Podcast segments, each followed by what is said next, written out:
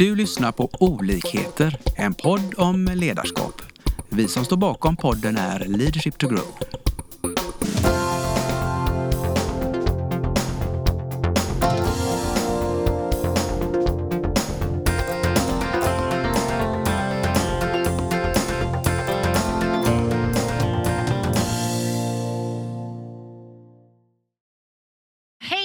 Frida och välkommen hit. Hej, tusen Hej. tack. Kul att vara här. Tack för att du vill komma. Eh, jag tänker så här, vi är väldigt nyfikna på dig. Eh, vill du börja med att berätta lite om eh, vem, är, vem är du? Ja, vem är jag? Jag är 38 år gammal, bor i Hovås strax utanför Göteborg med man och två barn, Leopold och Adrian. Jag är advokat och har en advokatfirma som heter Träskov Partner som jag startade nu vid årsskiftet. Och eh, jobbet är väl en stor del av mina intressen. Så att, eh, ja, träna lite på fritiden, umgås med vänner och sånt. Spännande. Eh, jag förstår ju att eh, resan fram till där du är idag eh, måste ha varit eh, lång och den är vi också nyfikna på. Verkligen. Hur, hur började det hela? Ja, det kan man verkligen fråga sig. Jag, eh, egentligen hur jag kom in på själva juristutbildningen och det yrket från början, det var egentligen en ren slump. Eh, Jag läste upp alla mina betyg för jag hade tänkt utbilda mig inom hästbranschen och bli stallchef nere på Flyinge. Och när jag läste upp alla mina betyg så var den sista kursen som jag läste var ja, men grundutbildning i juridik och då tänkte jag men det kanske kan vara någonting för mig. Så på den vägen blev det själva juristutbildningen. Eh, sen så började jag på massa olika typer av arbetsplatser. Jobbade med affärsjuridik och kände väl egentligen från början att jag kanske hade valt... Eh, ja, men att jag kanske inte helt hade valt rätt. Jag hade nog inte helt hamnat rätt från början. Och det är väl någonting som på något sätt också varit drivkraften lite. Att försöka, ja men vad vill jag någonstans? Och jag bytte en hel del arbetsplatser. Att så här, inte nöja sig, utan vad vill jag någonstans? Och hur vill jag att arbetsmiljön ska vara där jag väl hamnar? Och vad värdesätter jag och vad tycker jag mindre om och sånt där. Men så det började ju, eh, ja men när jag var 25 eller någonting, då var jag helt klar i alla fall. Och började plugga. Ja. Jättespännande att höra. Eh, ganska mycket beslutsam i, i den här processen framåt då. Och hitta. Mm. Eh, känner du att du är en sådan person som har lätt att leda dig själv på något sätt? Ja, men för, förlåt. Ja, säger du.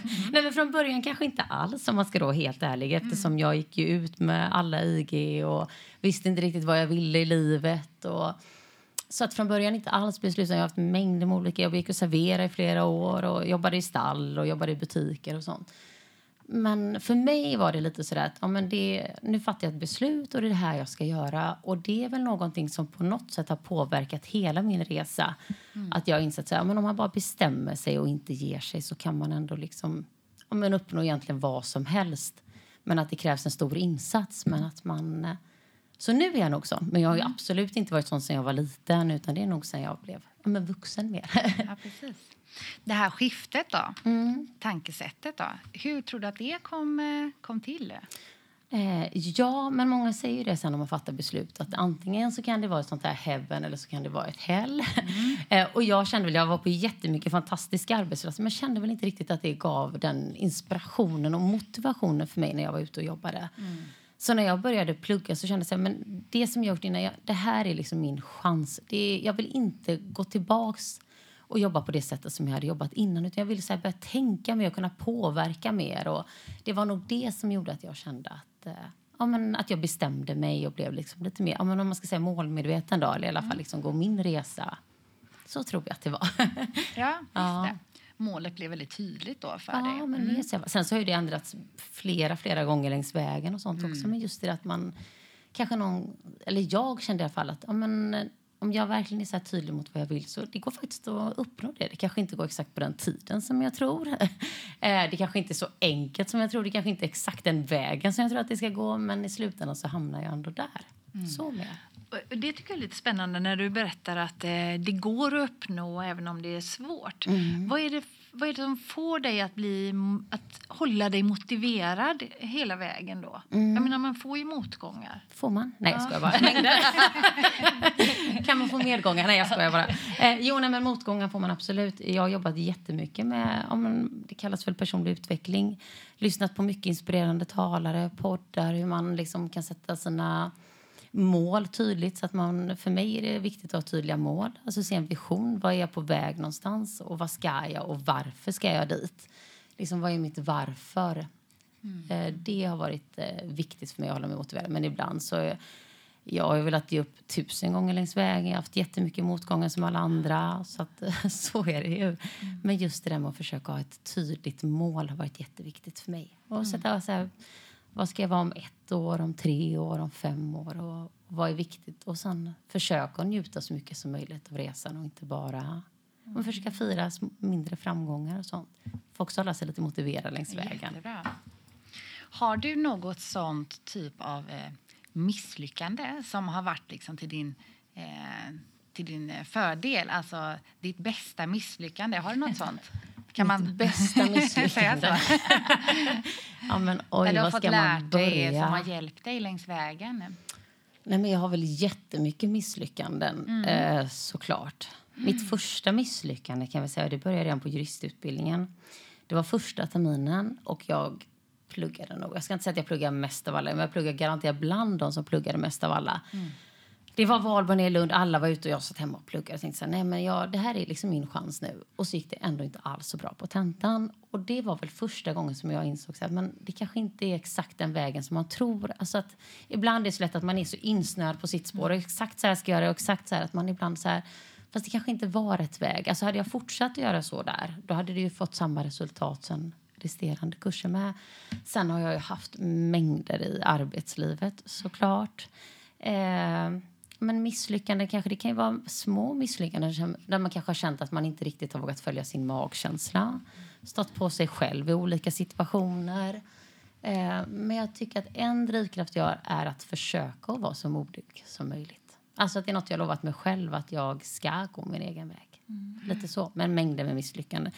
Eh, men man lär ju sig hela tiden, yrkesmässigt och ja. De, de, de bästa lärdomarna ligger ju oftast i våra mm. misslyckanden. Um, så det är jätteinspirerande att höra ditt perspektiv på det. Ja. Att du faktiskt vågar se på misslyckanden på det sättet. Mm.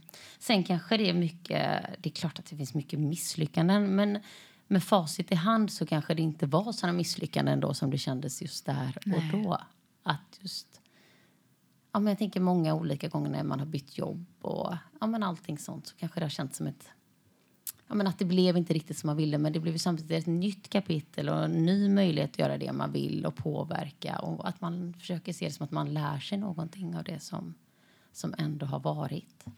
Det du eh, säger lyssnar jag in då mm. och tolkar som att eh, vägen kanske inte alltid är rak. Nej, det kan man väl Utan säga den, den är så här slingrig. liksom.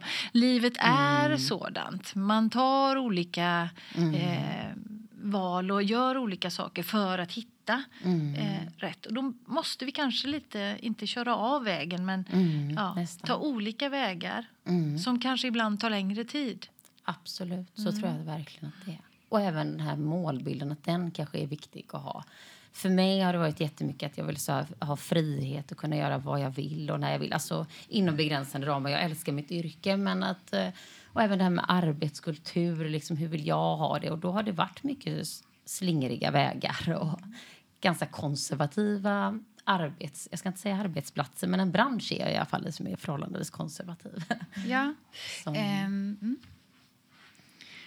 Och eh, det är, någonting som jag tänker på här också då att som du nämner det här, den här branschen. Mm. Det finns en attityd kring den. Mm.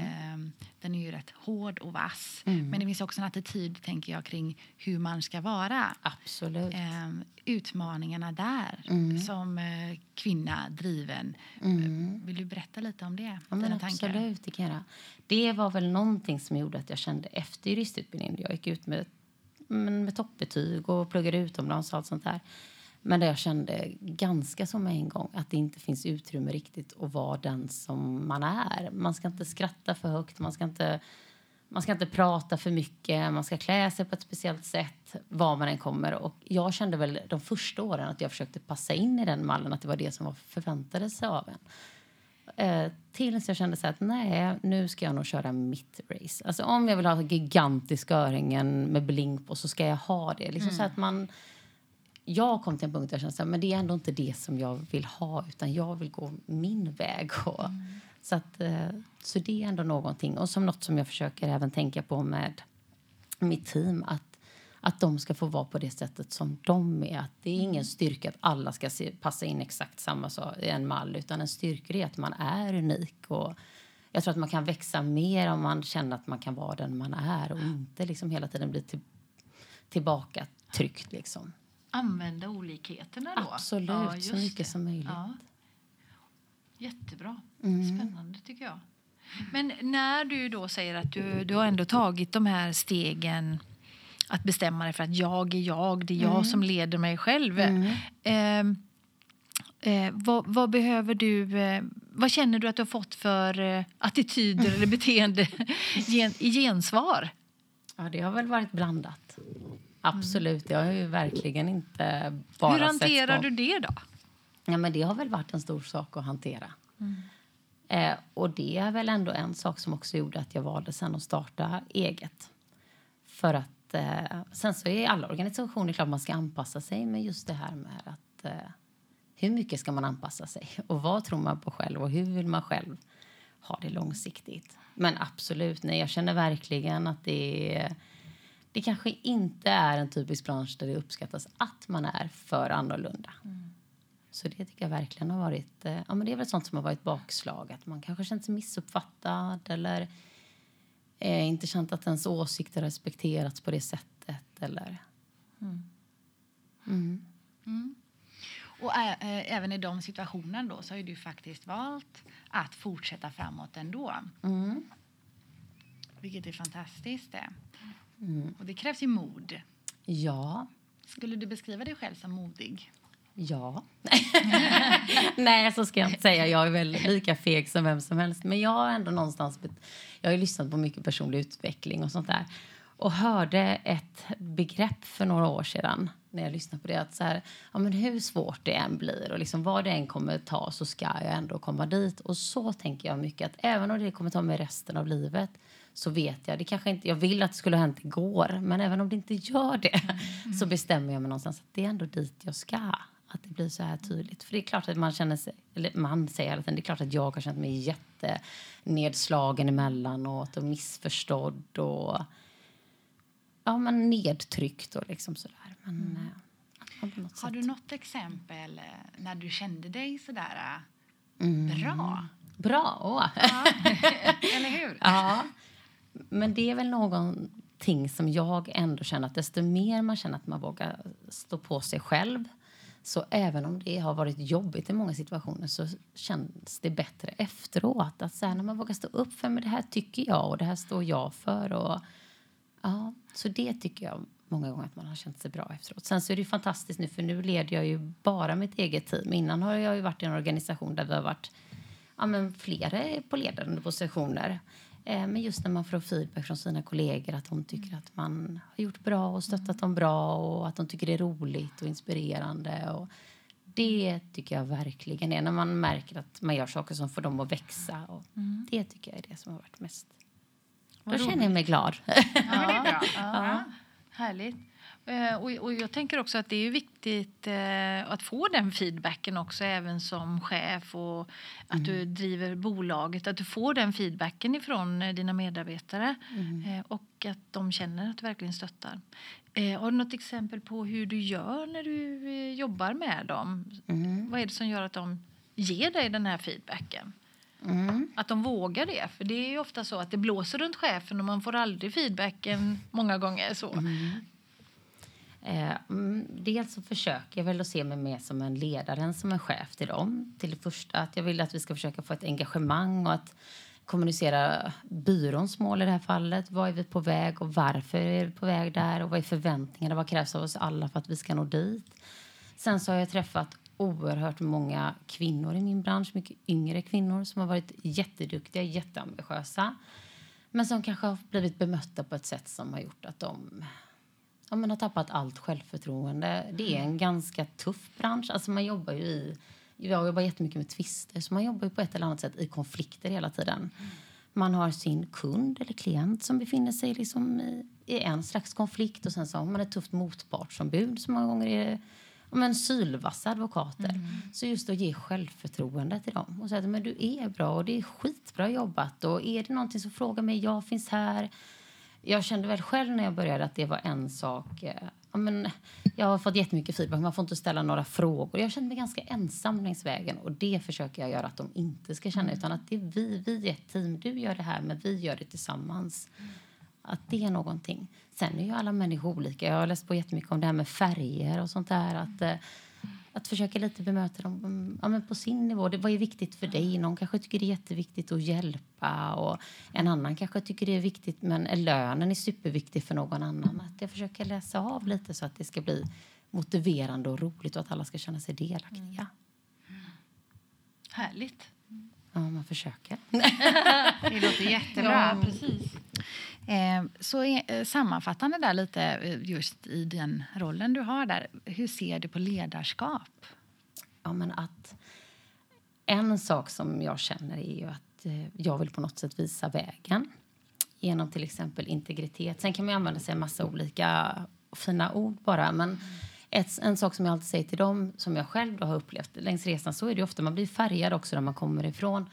Men om de tycker att det är något tufft liksom, samtal eller någon som är arg eller liknande, så jag ringer alltid mig. Jag tror alltid att jag är den som jobbar hårdast av alla. Mm.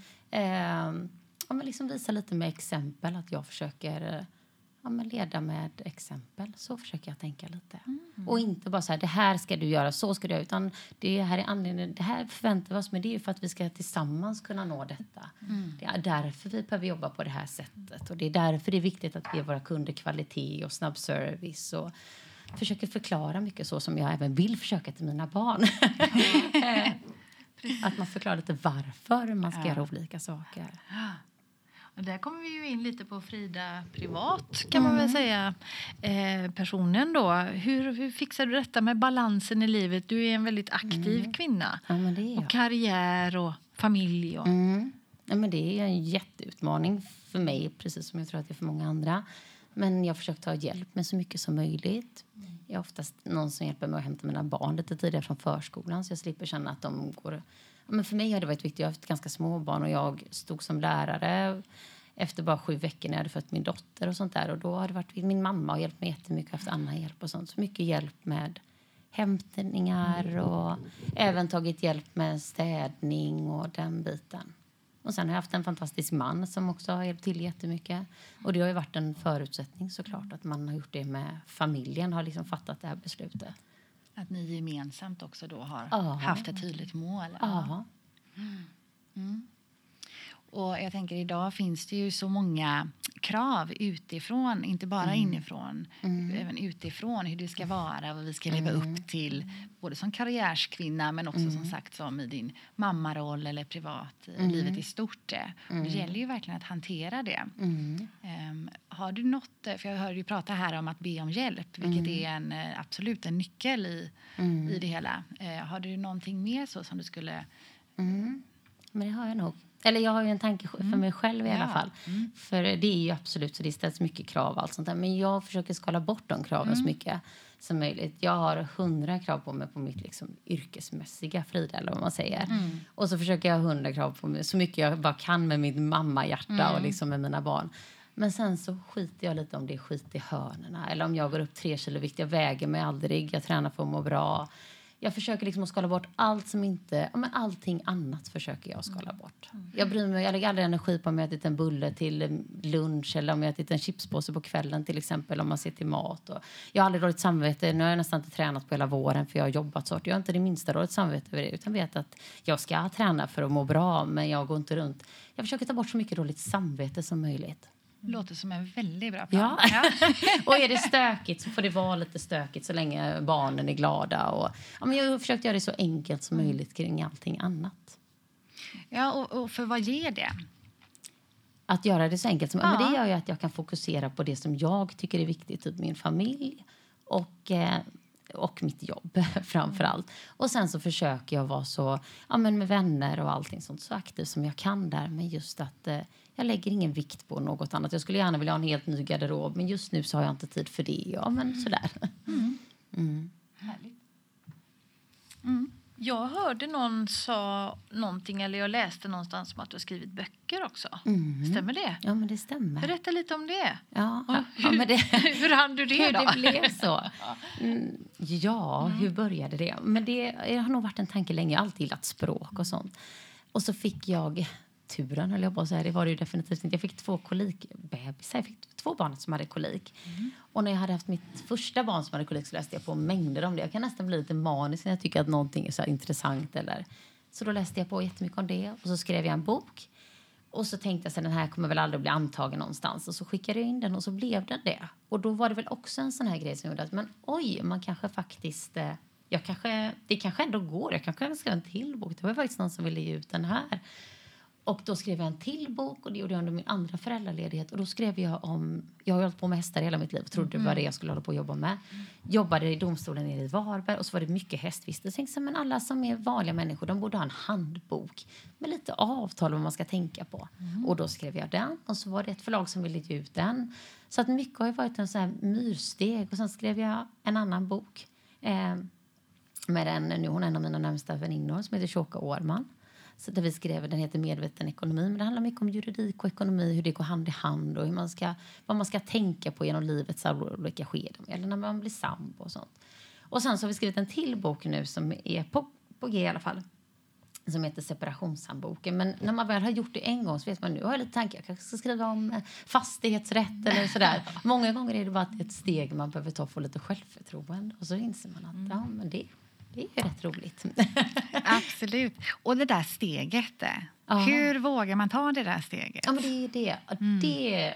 Det är nog nästan det som jag tänker att man inte ska vara... Jag har kontaktat så mycket olika bolag, jag har jättemycket stora samarbeten. Man ska inte vara rädd för att få ett nej. Det värsta man kan få är ett nej. Och jag brukar tänka så här, för ibland tänker så här, men vågar jag det? Och så börjar jag tvivla. Nej, nej, nej. Bort med tankarna vad man vågar inte, utan så gör man bara. Så brukar jag tänka.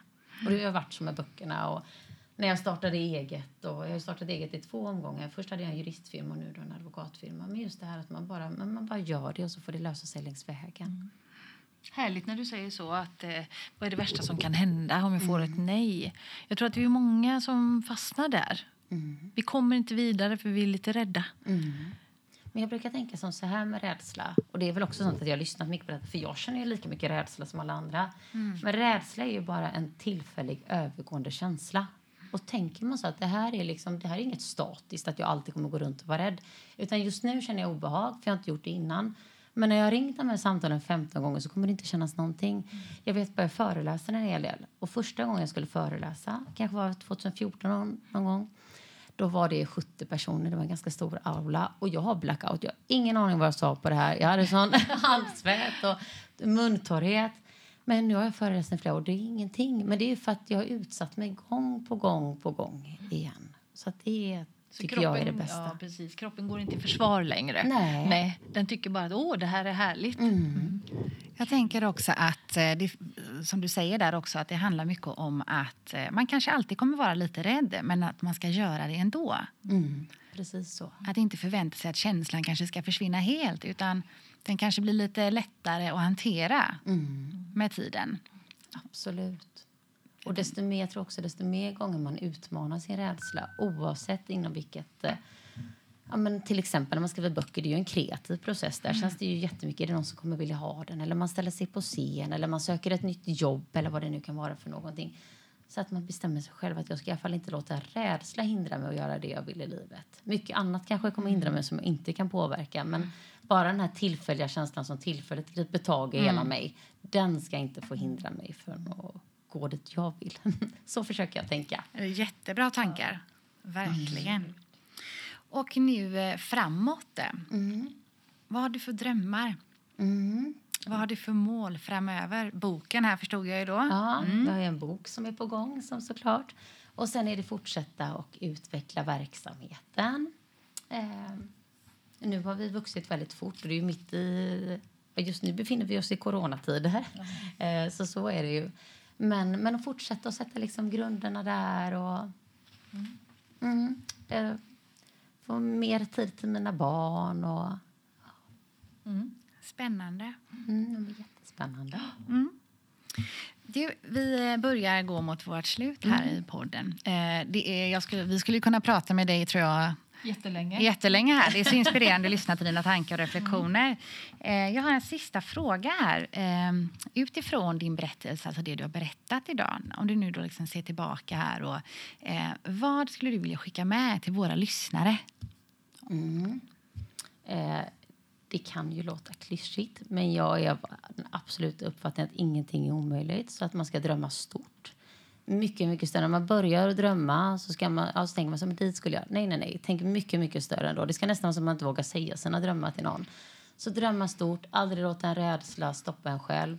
Ibland får man vara den enda som motiverar, ibland är det ingen annan som tror på en själv. Eh, och då måste man så här, peppa sig själv. Sitta saker, vad är det som peppar mig? Är det att lyssna på inspirerande människor? Läsa böcker som inspirerar mig? Är det musik som får mig att tagga till? Liksom, vad är det som får ens passion lite att väckas till liv och känna att livet är härligt ändå? Mm. mina bästa tips. Vilka härliga tips. Verkligen. Stort tack, Frida, för att du kom idag. Ja, Jätteroligt. För att jag fick komma. Jättekul att vara här. Ja, tack. Tack, tack snälla. Vi hoppas att vi har väckt tankar om hur du kan utveckla och stärka ditt personliga ledarskap. Följ oss gärna på våra sociala medier där vi heter Leadership to Grow. Om du vill ha mer inspiration och verktyg, gå in på vår hemsida leadershiptogrow.com. Tack för att du lyssnar.